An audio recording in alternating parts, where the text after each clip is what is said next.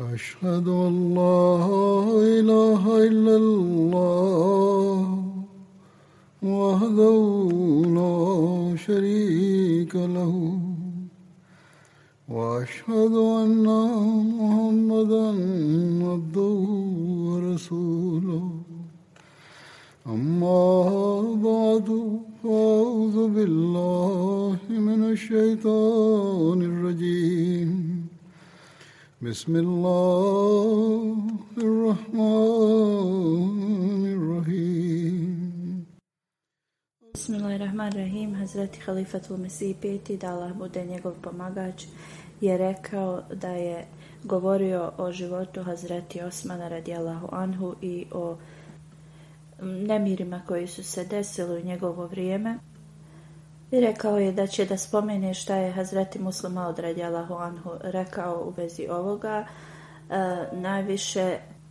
podataka je iz Tabari i također Hazreti Muslima je predstavio e, svoj pogled na, na ovo. Hazreti Muslima od Radjala kaže osim ove trojice, Muhammed bin Abu Bakr, Muhammed bin Huzeifa i Amar bin Jaser – koji su pali pod utjecaj pobunjenika, niko u Medini, niti bilo ko od ashaba poslanika sallallahu alejhi nije e, bio na strani pobunjenika. Svi su proklanjali te pobunjenike i, i bili su protiv njih, ali ovi pobunjenici nisu uopšte marili šta ljudi govore. 20 dana ovi pobunjenici su pokušavali da nagovore Hazreti Osmana Allahu anhu da on odustane od svog hilafeta i to su radili preko samo dijaloga, ali Hazreti Osman Allahu anhu je to uvijek odbijao. Rekao im je niti mogu da skinem taj ogrtač koji mi je uzvišeni Allah podario, niti mogu da ostavim ljude Muhameda sallallahu alaihi veselam nezaštićene. Da kogod poželi može da ucijenjuje drugu osobu. Zrati Osman je govorio u vezi ovih pobunjenika da oni su protiv njega i njegovog postojanja. Rekao je, ali oni će željeti da kad mene ne bude bilo, želit će da jedan dan Osmanov e, bude dug kao godina dana. I govorit će da nije on Bog do, već otišao od nas jer poslije mene bit će veliko krvoproliće. Prava će biti ukinuta i vlada će totalno da se promijeni. U Benu Umeja periodu hilafet je bio promijenjen sekularnom vladom i ovi pobinjenici su dobili tako teške kazne, oni su zaboravili e, šta su radili i spletkarili. Poslije 20 dana pobunjenici su smatrali da je potrebno e, da imaju vrlo brzu odluku u vezi ovoga i armija iz okolnih provincija su e, došle. Oni su znali da su ljudi iz Medine na strani Osmana radijalahu anhu, ali su okružili i njegovu kuću i zabranili su da i hrana i voda e, dospjeva do njegove kuće. Oni su smatrali na ovaj način da će Hazreti Osman da pristane na njihove uslove. Kako god Hazreti Osman im je već rekao da neće da skloni ogrtač koji mu je uzvišeni Allah podario. Administracija Medine je bila u njihovim rukama, oni su e, prihvatili Gafiki, e, egipskog e, komadanta, kao njihovog komadanta, ovi pobunjenici. Izgledalo je kao da je taj Gafki vladar Medine u tom vremenu. Aštar je upravljao armijom iz Kufe, a Hakim bin Džabla isti zatvorenik koji je bio pritvoren u Basri što je njegov pritvor je na, naredio Hazreti Osman radi Allahu Anhu zato što je on e, pljačkao imovinu e, nemuslimana. On je bio komadant e, armije iz Basre i također je i on bio pod liderstvom tog Gafkija. Hakim bin Džabla i Ashtar oba dvojica su bili pod upravom Gafkija. I još jednom nam ovo pokazuje da Pobunjenici iz Egipta su bili pravi krivci ovoga i Abdullah bin Saba je bio pod tim utjecajem. Gafki je predvodio namaze u poslanikovoj džami dok su ashabi poslanika sallallahu alejhi ve ostajali u svojim kućama ili bi bili primorani da klanjaju namaze e, iza njega. Ovi pobunjenici nisu e, zadavali probleme e, ljudima iz Medine do tog dana dok nisu odlučili da e, okruže kuću Hazreti Osmana radi Kako god kad su okružili kuću Hazreti Osmana radi Honhu, onda su također počeli da prave probleme i drugim ljudima. Umjesto da bude Darul Aman kuća mira, Medina je postala Darul Harb kuća rata. Čast ljudi iz Medine je bila u opasnosti. Niko nije izlazio iz kuće nenaoružan i pobunjenici bi e, ubili kogod bi im se protivio. Kada su pobunjenici okružili kuću Hazreti Osmana i zaustavili voda da mu dolazi, Hazreti Osman radi anhu je poslao poruku Hazreti Aliju, njegovim sinovima, Hazreti Zubeiru i suprugama časnog poslanika sallallahu alejhi ve sellem govoreći da su pobunjenici zaustavili i dolazak vode u njihovu kuću i ako oni mogu da mu pomognu da to urade. Hazreti Ali je bio prvi od ljudi da dođe i rekao je pobunjenicima, e, rekao im je e, kako se vi ponašate, ova vaša djela niti priliče vjernicima, niti nevjernicima. Ne zabranjujte da hrana i voda dolaze u kuću Hazreti Osmana. I Rimljani i Perzici, oni e, daju, hranu i, i piće svojim zarobljenicima Prema islamu vaše ponašanje je neprihvatljivo. I šta je vama Hazreti Osman uradio? Da ste vi odlučili da ga zarobite i da ga ubijete. Ovo što je Hazreti Ali rekao nije ostavilo nikakav utisak na njih. Rekli su što god ti rekao, mi nećemo da pustimo vodu, ni, niti ćemo da pustimo hranu.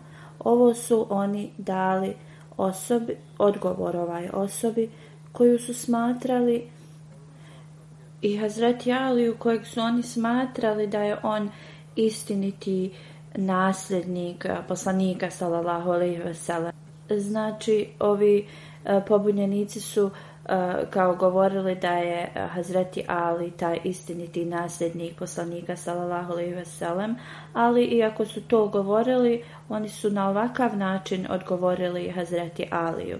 I posle ovog odgovora kako eh, nam kao nema potrebe nikakav drugi dokaz da ovi ljudi su imali svoju sobstvenu agendu, a ne da, da su oni se brinuli za ehli bejati bejat i, porodicu. Od e, časnih supruga poslanika sallallahu alaihi veselam, Hazreti Umi Habiba je bila prva koja je došla u pripomoć Hazreti Osmanu. Jašući na magarcu došla je do Hazreti Osmanove kuće i nosila je u koži um, tu vreću puno vode. Njen razlog dolaska tu je najveći bio da e, sačuva neke dokumente koji su bili e, u vezi e, siročadi iz Medine i, udovica koje je imao Hazreti Osman. Kada je saznala da su oni zaustavili i voda da dolazi u kuću Hazreti Osmana u anhu, ona je bila uplašena da će i da unište sve te dokumente i onda željela da ih spasi te dokumente. Također ona je e, mogla da na drugačiji način pošalje vodu.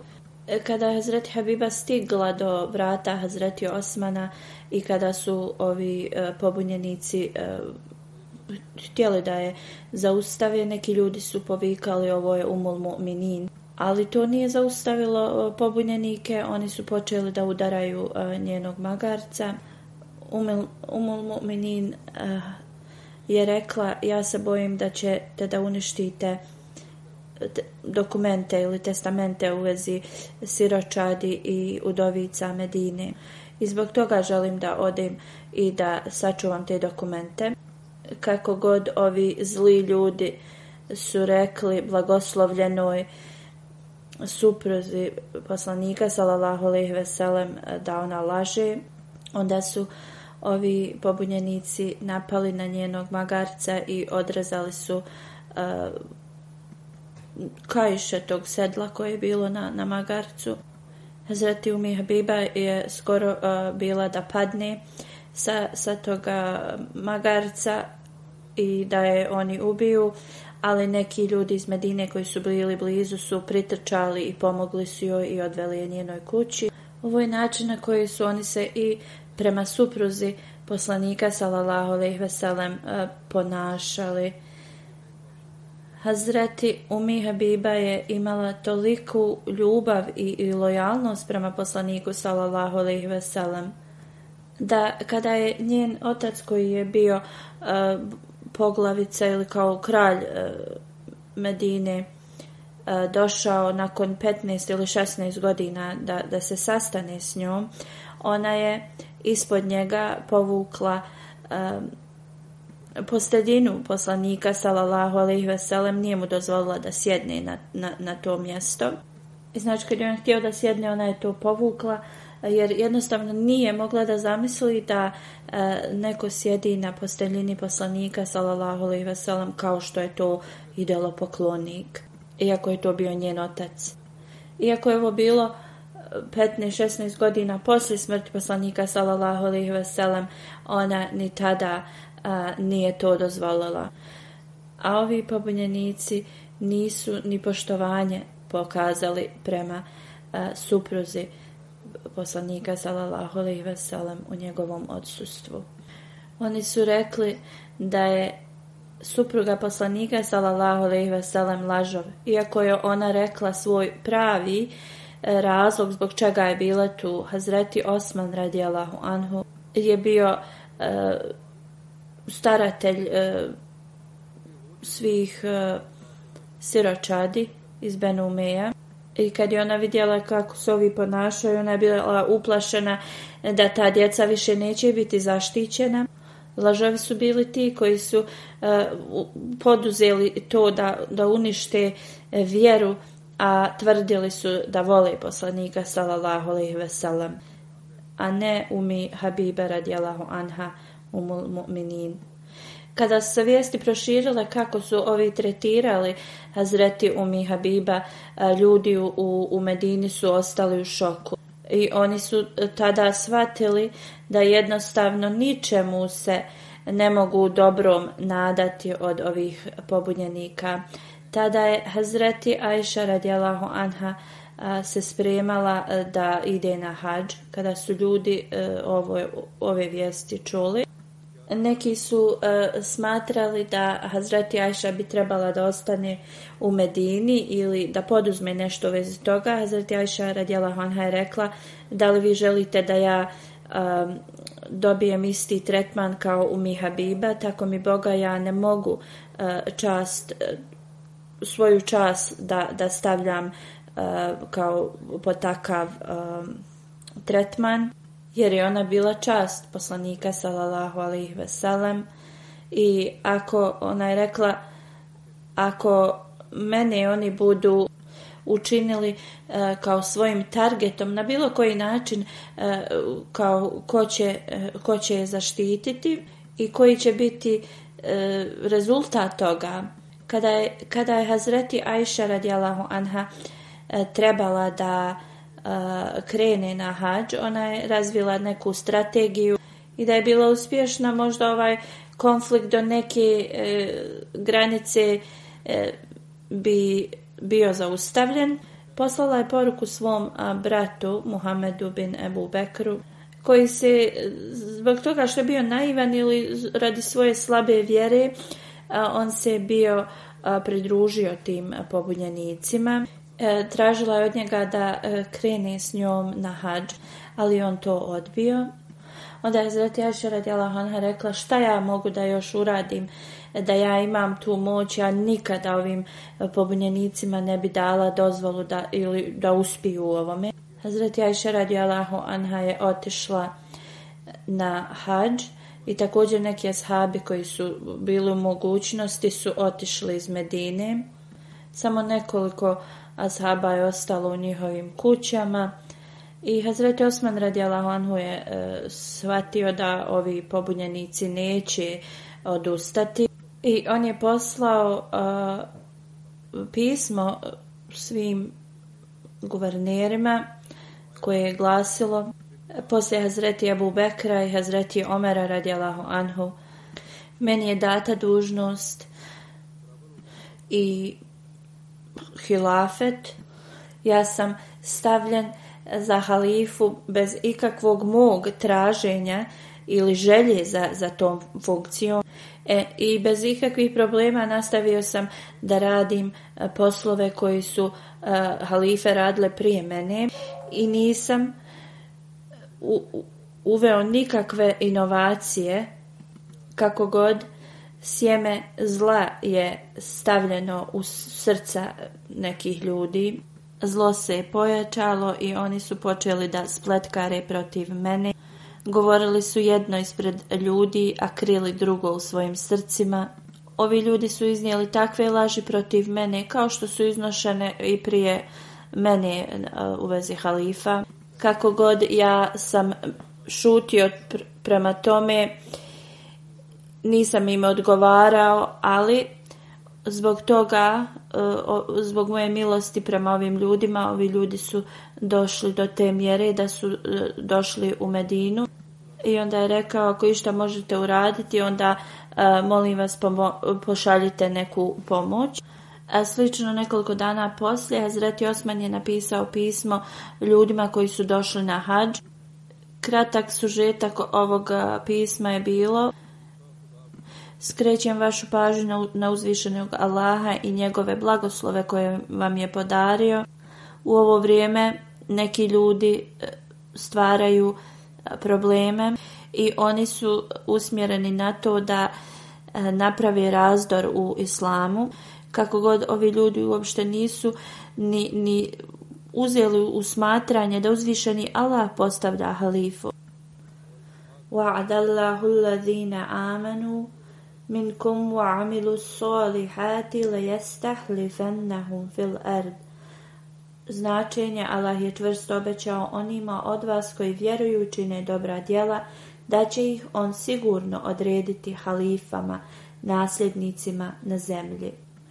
Oni nisu cijenili jedinstvo. Iako je uzvišen Allah naredio, držite se svi zajedno Allahovog užeta. On je dalje rekao, oni su prihvatili riječi onih koji mene optužuju, a ne riječi iz Kur'ana. U časnom Kur'anu Allah kaže ovi koji vjerujete, ako vam nepravedna osoba donese neke vijesti, vijesti provjerite ih. Onda također nisu se ob, obazrli na bejat koji su dali meni. Iako uzvišeni Allah kaže u, u, u vezi e, časnog poslanika sallallahu alejhi ve E, da zaista oni koji e, daju zakletvu poslaniku sallallahu alejhi ve sellem daju zakletvu i Allah. A ja sam nasljednik ili halifa časnog poslanika sallallahu alejhi ve sellem. Nijedna nacija ne može da e, uznapreduje bez lidera. A ako nema ima, imama, onda ta zajednica će da se raspadne i bude uništena. Ovi ljudi žele da unište muslimanski umet. Hazreti Osman dalje je napisao ovo je jedini njihov cilj jer ja sam prihvatio njihove zahtjeve i obećao da ću promijeniti guvernere, ali unatoč tome oni se nisu zaustavili. E, sada oni traže jednu od tri stvari. Oni su dali tri opcije Hazreti Osmanu. Prvo su tražili osvetu za one ljude koji su dobili neku kaznu u toku moje vladavine. Ako to ne prihvatim, onda trebam da siđem e, kao da odustane od hilafeta i ako ovo ne prihvatim, onda će oni da pošalju e, poruku svim svojim koji ih i podržavaju i da oni ne, ne budu pokorni e, Hazreti Osmanu anhu. E, odgovor za ovo jeste da i halife prije mene su nekada e, odlučili nešto e, pogrešno recimo, ali nikada oni nisu morali snositi kaznu za to.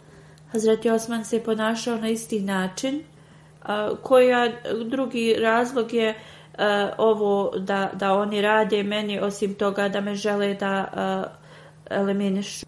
Što se tiče tog e, zahtjeva da ja napustim hilafet, Hazreti Osman je rekao oni mogu da me rastrgaju u komadiće, ali ja ne mogu nikada prihvatiti e, da napustim e, hilafet. Jer je uzvišeni Allah dao njemu taj ogrtač i nikada on neće da skine taj ogrtač. Treću stvar rekli su da će poslati svoje ljude širom na sve strane i da govore protiv mene da ljudi jednostavno ne budu poslušni halifi. Uh, Osman je rekao ja što se tiče toga uh, oni kada rade protiv šerijata ja neću biti odgovoran za to. I kada su dali zakletvu meni ja ih nisam prisilio. Niti sam ja, niti uzvišeni Allah je zadovoljan s ljudima koji prekršavaju njegov, njegov njegove naredbe. Hazreti Osman rekao, niti sam i prisilio da mi daju prije za, zakletvu, niti ću sada, ali uzvišeni Allah nije zadovoljan ovakvim postupcima.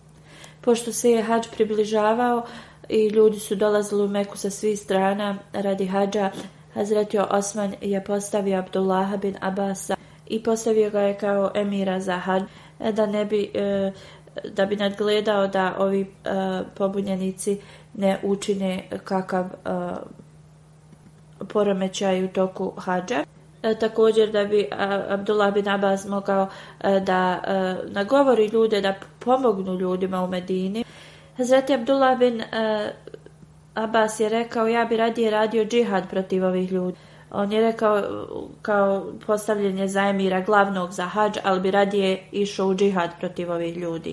Hazreti Osman mu je naredio da ide na hađ i da radi tu dužnost kao emir hađa, da bi zaustavio pobunjenike da šire svoje laži na ljudima u Meki i također Hazreti Osman je poslao to pismo sa Hazreti Abbasom Abdullahom bin Abbasom i tada su ovi e, pobunjenici e, saznali u vezi tog pisma i onda su počeli da traže bilo kakav razlog e, da bi ubili Hazreti Osmana. Kako god, svi njihovi pokušaji su bili propali i Hazreti Osman radijala Hanhu nikada im nije dao razlog za to. Onda su ovi pobunjenici smislili da navečer kad svi zaspe E, su bacali kamenje na kuću Hazreti Osmana, tako da bi e, iz, iz kuće Hazreti Osmana e, počeli isto tako da bacaju na njih to kamenje. Tako da ovi pobunjenici su se nadali da mogu da kažu da su ljudi iz kuće Hazreti Osmana prvi započeli taj napad i da su oni bili prinuđeni da se bore protiv Ali Hazreti Osman radijalahu anhu je zabranio svima tim koji su bili u njegovoj kući da slučajno ne bi smjeli da bace jedan kamen nazad. Jednog dana Hazreti Osman je e, našao priliku i došao je blizu zida i obratio se tim pobunjenicima i rekao o ljudi vi mene smatrate grešnikom, ali kako su grešku drugi uradili? Kad vi bacate to kamenje postoji E, prilika da će neko drugi biti e, ranjen. Pobunjenici su rekli da oni ne bacaju e, nikako kamenje. Onda je Hazreti Osman rekao, ako Hazreti Osman je rekao, ako vi to ne radite, onda ko to radi? Opominjenici su rekli, uzvišeni Allah, Bože sačuvaj. Hazreti Osman radijalahu anhu je rekao, lažete, jer da ih uzvišeni Allah baca, nijedan kamen ne bi promašio. Ali kamenje koje vi bacate ne udaraju target. Kad je ovo rekao, onda je Hazreti Osman napustio. Iako ashabima nije bilo dozvoljeno da se sastaju sa Hazreti Osmanom, oni su i dalje nastavili da izvršavaju svoje dužnosti. E, Podijeli su svoj posao na dva dijela – oni koji su bili stariji i koji su imali neki uticaj na ljudima e, radili su to da jednostavno ljudima pričaju protiv ovih pobunjenika a ovi mlađi e, koji nisu imali utjecaj nad ljudima jednostavno su e, ostali i, i pokušavali da zaštite Hazreti Osmana Allahona. Hazreti Ali, Hazreti Sad bin Abivaka koji je pobjedio Perziju oni su E, najviše e, se trudili da ovaj e, konflikt bude završen. Zrati Ali je ostavio svoj posao po strani, usredio se na ovu. Osoba koja se zvala Abdurrahman, koji je bio očigledac ovih, ovoga, rekao je u danima ovih nemira vidio sam da je Hazreti Ali ostavio sav svoj posao. Danu i noću se brinuo kako da smiri temperament ovih pobunjenika protiv Osmana radijalahu an i da donese kraj njegovom, njegovoj patinji.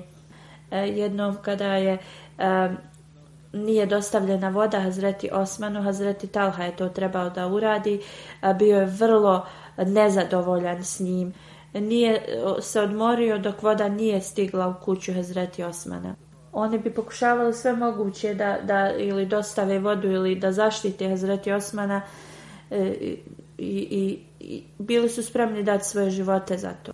Djeca od Hazreti Alija, Hazreti Talhe i Zubira Allahu anhu i neki ashabi su bili u toj grupi koji su stražarili i čuvali kuću Hazreti Osmana e, danju i noću i nisu dozvoljavali ni, ni jednom neprijatelju da e, priđu blizu Hazreti Osmana, ali nisu mogli, zato što, su, što ih je bilo malo, nisu mogli da, da zaustave ovu ogromnu armiju.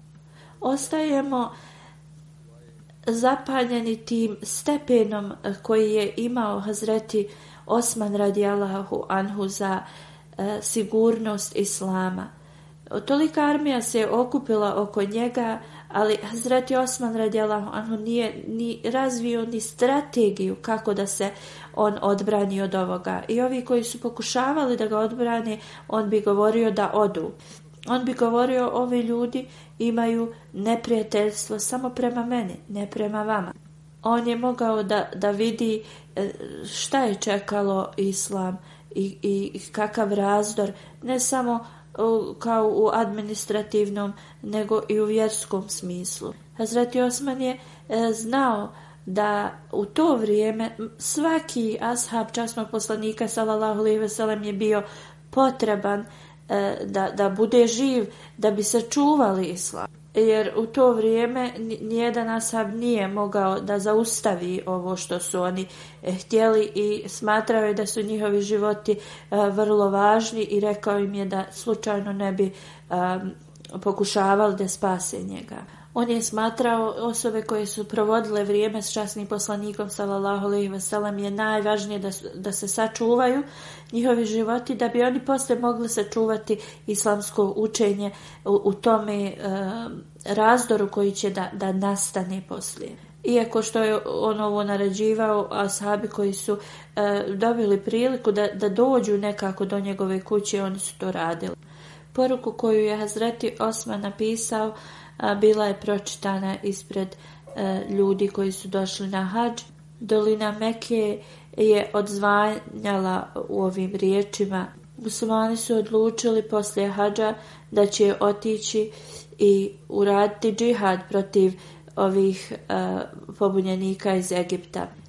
E, špijuni od, od pobunjenika su javili njima šta su muslimani odlučili i oni su postali E, vrlo uzrujani i oni su rekli da nemaju nikakvu drugu opciju osim da ubiju Osmana radijalahu anhu. Ako to ne urade, onda kao e, oni će biti istrebljeni. I onda kada su saznali da su pisma da Hazreti Osmana stigla i u Siriju, Kufu i u Basru, i da ljudi tu koji su već čekali naredbu Hazreti Osmana radijalahu anhu sada kad su dobili ova e, pisma bili su još spremniji i također da su muslimani na svim mjestima gdje su se sastajali e, jednostavno savjetovali se da trebaju da rade džihad protiv ovih pobunjenika.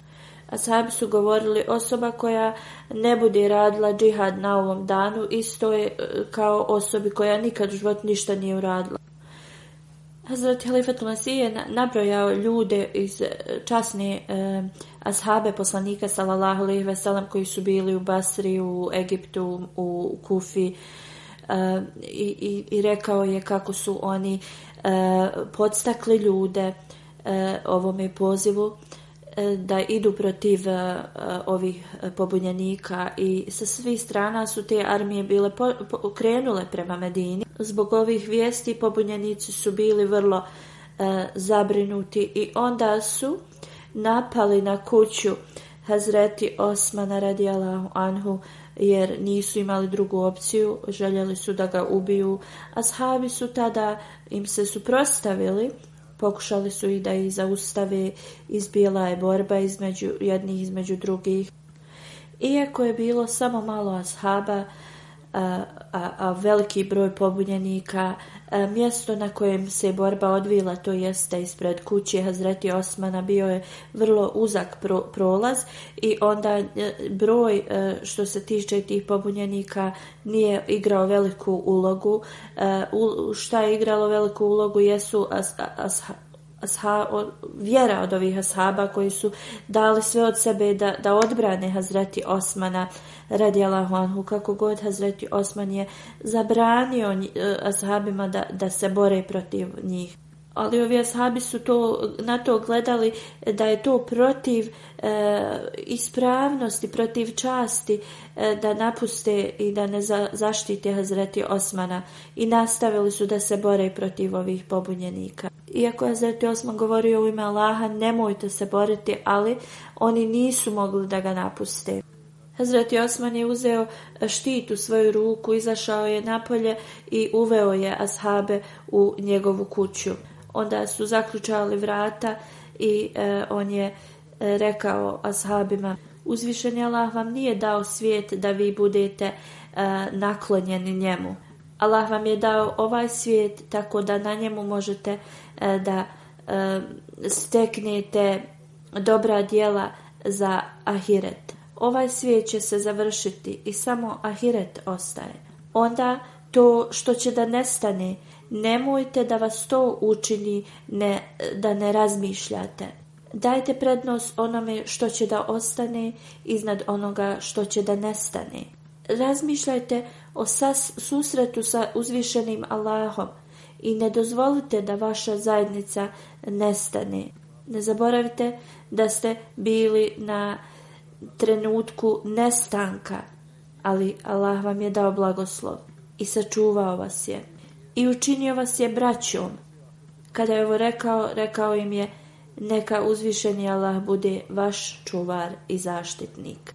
Idite iz moje kuće i pozovite one ashabe koji nisu mogli da dođu do moje kuće, posebno Hazreti Alija, Talhu i Zubeira.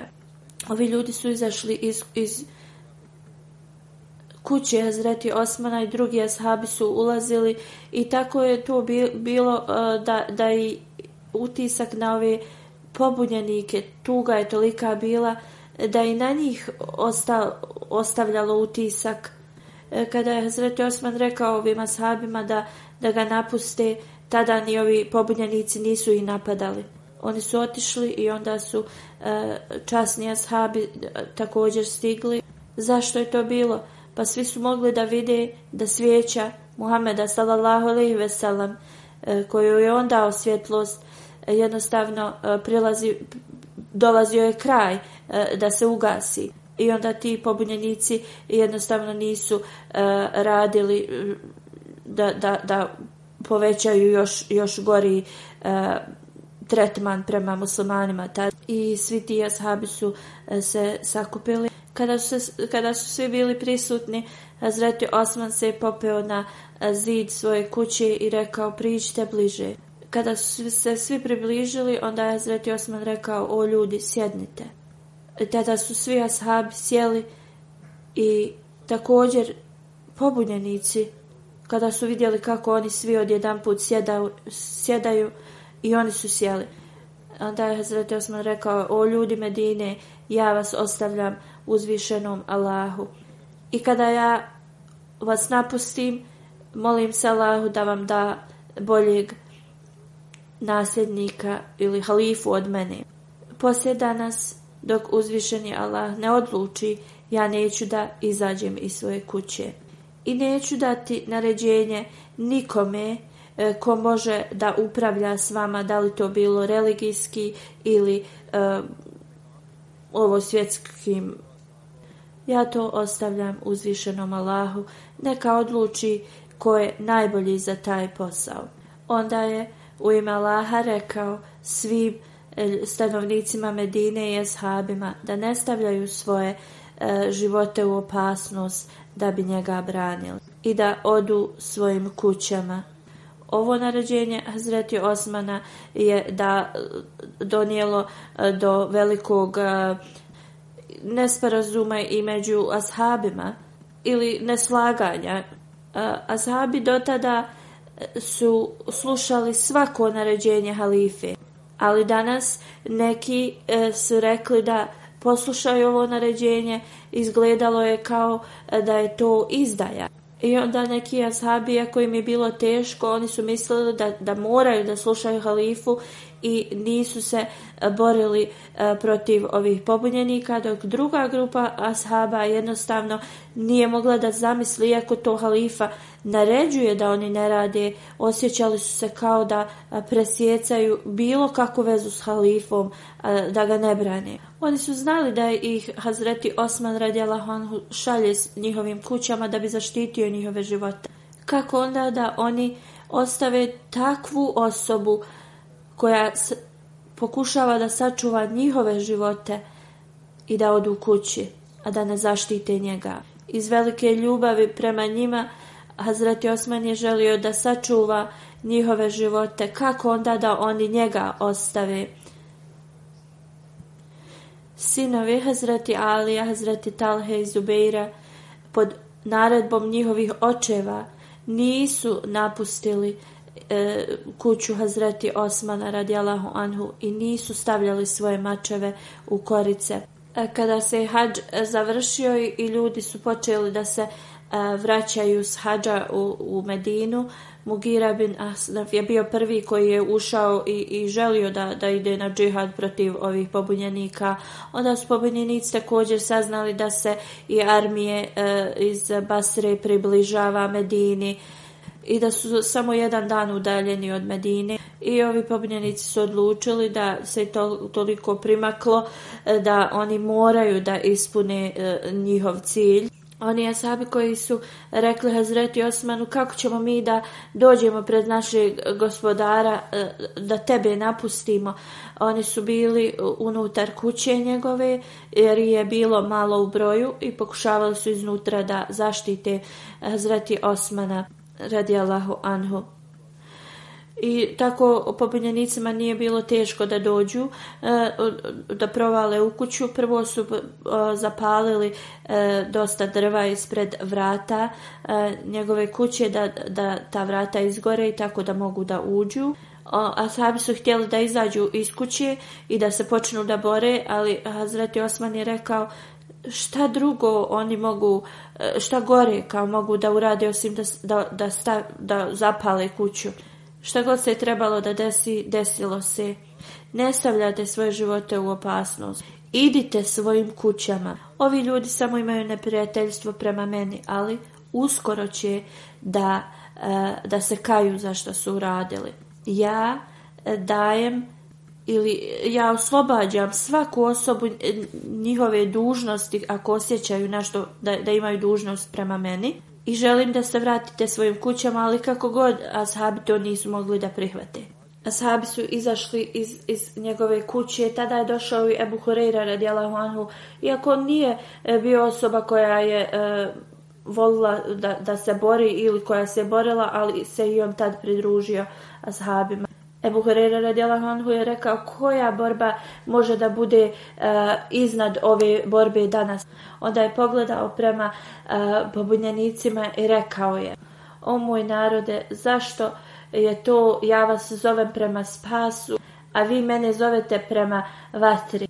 Nekoliko saba koji se mogli skupiti suprostavili se ovoj vojsci. E, taj dan i, i imam Hasan koji je bio toliko miroljubiv on je bio uh, poznat kao uh, princ mira i on je napao na ove pobunjenike. On i Muhammed bin Talha su govorili sljedeće stihove. I vrlo su važno da ih spomenemo jer možemo da vidimo njihova osjećanja tog dana. Zatim Imam Hasan je govorio sljedeće stihove i napadao je uh, pobunjenike.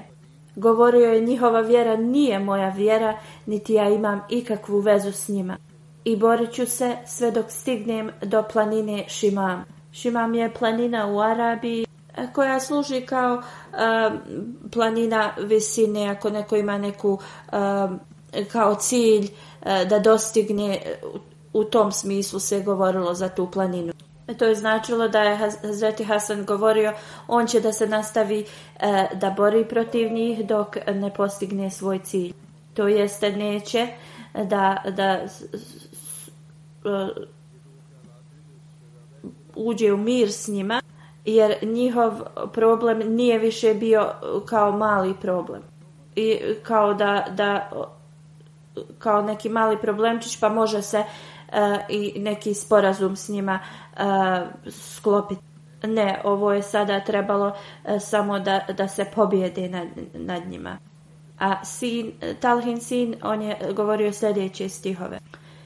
Govorio je, ja sam sin onoga koji je štitio poslanika sallallahu alaihi veselem na Uhudu i koji je porazio Arape uprkos njihovim svim pokušajima.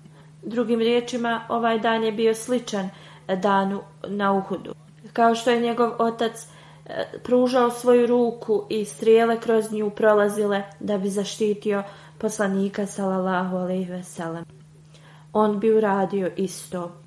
Hazreti Abdullah bin Zubair je također učestvovao u ovoj borbi i bio je puno ranjen. Mrvan je također bio ranjen i jedva je pobjegao im. Mugira bil Ahnes je bio ubijen.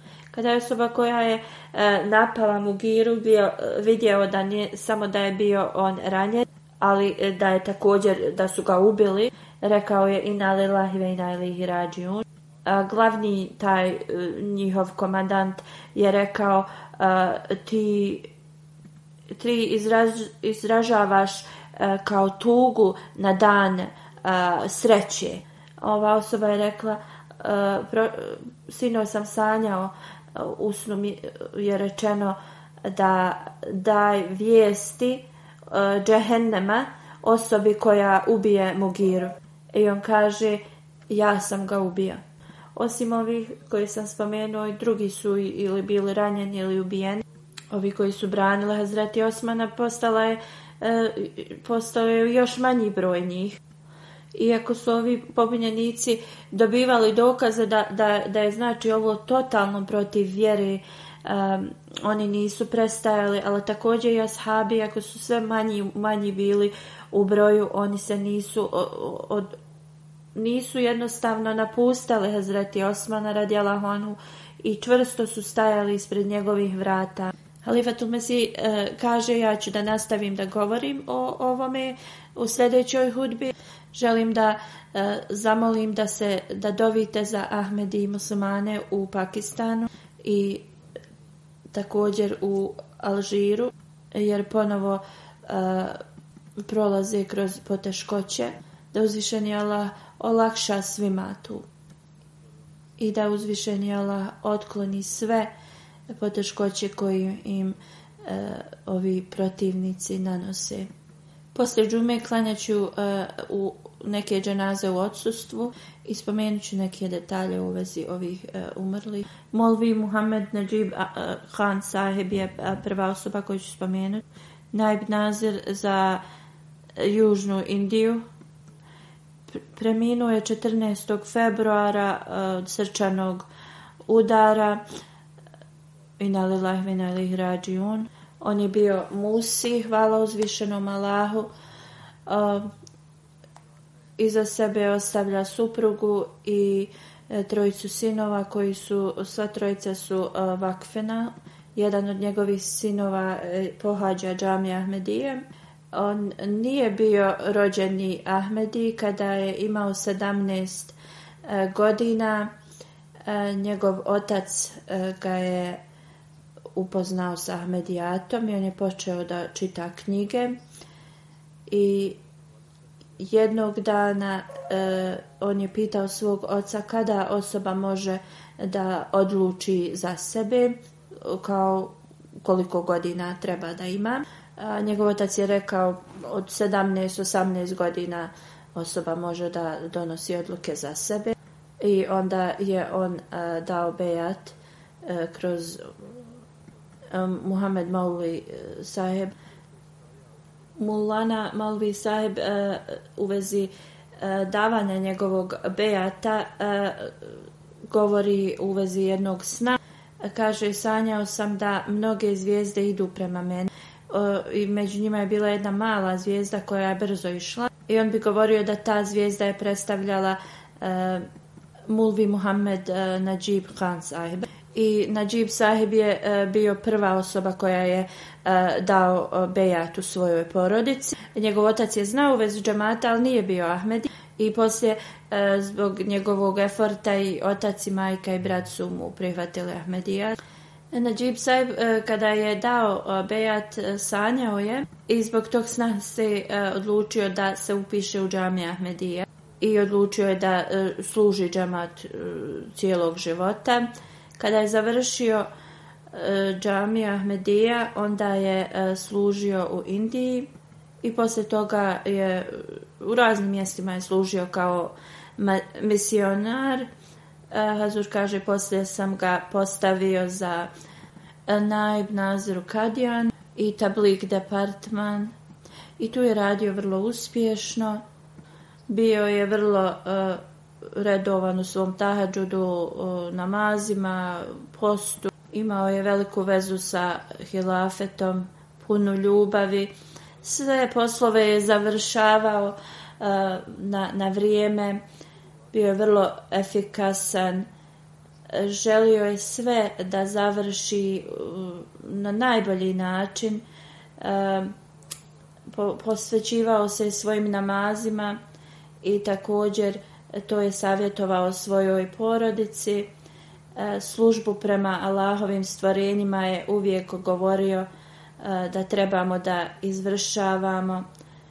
Dolazio je u džamiju da klanja, uvijek je radio na svim zadacima koje je halifa dao u vezi e, tablika ili tarbijata. E, prevodio je knjige.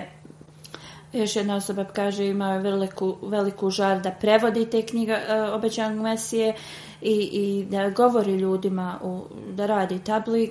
Uvijek je pokušavao da pomogne onima koji su bili slabe vjere, da im jednostavno pomogne da oni praktikuju vjeru, da uzvišeni Allah mu uzdigne njegov status. Sljedeća džanaza je od Nazir Ahmed Hadim sahib, on je bio sin Čodri Ahmedin sahiba, stari brat od muni Bismit sahiba, preminuo je 6. februara i nalilah ve nalih rađiun Ahmedijat je došao preko uh, djeda uh, od oca od, po, ocu počeo je da služi u džematu um, od koleđa Allah mu je dao tu uh, jednostavno dar da piše, govore i da ih održava i bio je vrlo uspješan u tome. Održao je mnoge govore, e, služio je u rabbi na raznim e, odborima da mu uzvišeni Allah podari oprost i milost i njegovom potomstvu da e, omogući da radi njegova dobra djela. Sljedeća džanaza je od Al-Hajj Doktor Nana Mustafa Boter saheb preminuo je 17. januara i nalilah vinalih rađijun. On se on je rođen kao kršćanin. 1979. godine je prihvatio Ahmedijat. Prvo je a, radio kao vozač od emira u Gani pa je radio i za štampu u e, Velikoj Britaniji. Radio je također u Japanu i bio je e, predsjednik džamata. Halifatul Mesih kaže dok sam bio u Gani e, uvijek sam ga vidio da je uvijek volontirao u džamatu, izvršavao volonterske radnje i uvijek je to radio vrlo rado poslije je počeo svoj e, biznis i e, u Gani je bio poznat kao najpoznatiji biznismen. Imao je e, fabriku, zvala se Čoču Industry. On bi uvijek govorio da je to sve blagoslov uzvišenog Allaha, da je on postao uspješan i molitve halife i njegov njegova služba uvijek da, da e, pomaže ljudima. E, služio je na raznim odborima i pozicijama u džamatu, u Gani. On je također bio musi. Iza sebe ostavlja tri supruge i tri kćeri. E, imao je i sina koji je preminuo nekoliko godina prije preko 50% je e, dao za izgradnju mnogih džamija u tom regionu i misionarskih kuća. Kad bi god se bilo e, neki e, tužbe protiv džamata u vezi nekog imovine ili zemljišta, on bi bio taj koji bi slao advokate i plaćao bi za sve legalne sudske te troškove, imao je toliku žar da širi um, Ahmedijat i njegovi roditelji su također od njega primili Ahmedijat. Uh, mnogo godina je uh, vodio uh, radio emisiju 30 minuta na radiju u vezi džamata i to je plaćao, to je bilo njegovom trošku i ta emisija se nastavila do dan danas. On je također e, imao e, TV kanal i e, jednom sedmično bi o svom trošku, u stvari jednom sedmično bi o svom trošku na tom TV kanalu plaćao jedan sat u vezi džamata program hiljadama stotina ljudi su dobili poruku uh, Ahmedijata na ovakav način i mnogi su se i pridružili preko ovih programa džamatu kupio je mnogo auta uh, motora za misionarima i ljudima koji rade za džemat tako da oni mogu da rade bolje um, svoje dužnosti također bi u tajnosti im e, pomagao financijski i uvijek bi e, govorio da svi ljudi trebaju da zaštićuju džemat i da rade kao da je to njihov vlasti, vlasništvo i da daju sve što mogu za e, propagiranje vjere i da će uzvišeni Allah njima pomoći jer je on bio taj e, jednostavno dokaz toga, tog blagoslova uzvišenog Allaha, jer ga je Allah blagoslovio mnogom imovinom. Jedna bolnica u tom regionu je bila najveća bolnica, ali put do nje je bio vrlo loš. I on je popravio taj put tako da pacijenti mogu da dođu bilo im je vrlo, vrlo naporno dođu do bolnice, putevi su bili vrlo loši, on je to sve popravio i kada je bio otvor, tog puta i, i, i um, bili su mnogi prisutni kao političari, mnogi ljudi e, koji su ili nemuslimani ili kršćani su i on je taj dan rekao ja sam Ahmed i musliman i da je on prihvatio Mirza Gulam Ahmed kao obećanog Mesiju e, i Mahdija i rekao je da je obećani Mesija i njegove halife koji su ga naučili e, da, da ispuni e, prava prema uzvišenom dužnosti prema uzvišenom Allah. osoba mora da služi čovječanstvu. I zbog toga ja kao Ahmedi musliman osjećam svoju dužnost da moram da budem dobar prema čovječanstvu i da pokušam da otklonim njihove poteškoće. I to je bio razlog zašto sam ja popravio ovaj, ove puteve koji su išli prema bolnici.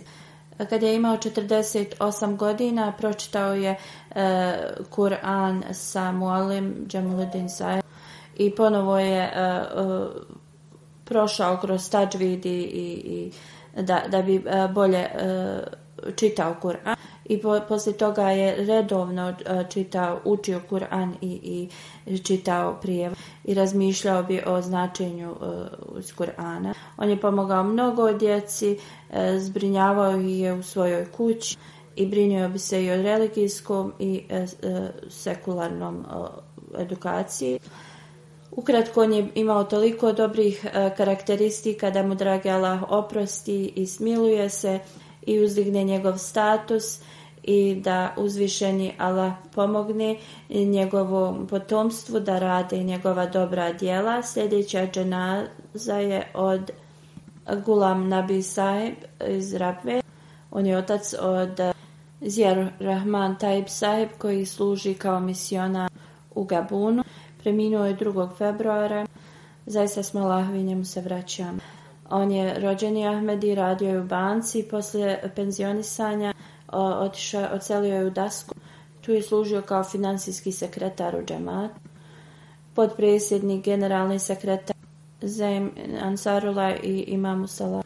Regularan je bio u tahadžud molitvi i uvijek bi pokušavao da klanja e, svoje namaze u, u Redovno je učio časni Kur'an na glas, bio je vrlo e, nježna osoba, uvijek je bio e, pomagao je drugima, imao je veliku, veliku strpljivost. Kao što sam spomenuo, njegov sin je misionar u Gabunu, ali nije mogao da dođe na dženazu svog oca radi trenutne situacije, da mu zvišenjela podari e, sabor i da uzdigne status njegovom ocu.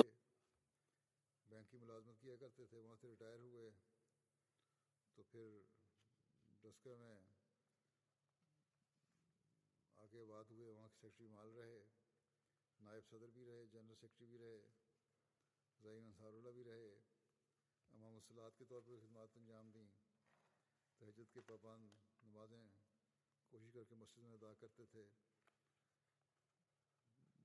बाकायदा बाबात बुलंद कुरान करीम की तलावत करने वाले इंतहाई शफीक हमदर्द नरम दिल और साबर शाकर इंसान थे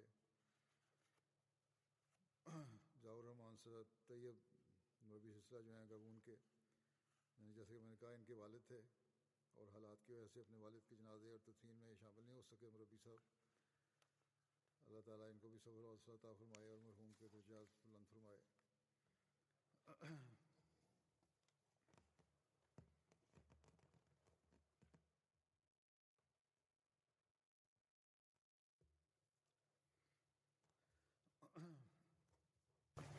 الحمد لله الحمد لله نحمده ونستعينه ونستغفره ونؤمن به ونتوكل عليه ونعوذ بالله من شرور أنفسنا ومن سيئات أعمالنا من يهده الله فلا مضل له ومن يضلل فلا هادي له ونشهد أن لا إله إلا الله ونشهد أن محمدا عبده ورسوله عباد الله رحمكم الله إن الله يأمر بالعدل والإحسان وإيتاء ذي القربى وينهى عن الفحشاء والمنكر والبغي يعظكم لعلكم تذكرون اذكروا الله يذكركم وذوه يستجب لكم ولذكر الله أكبر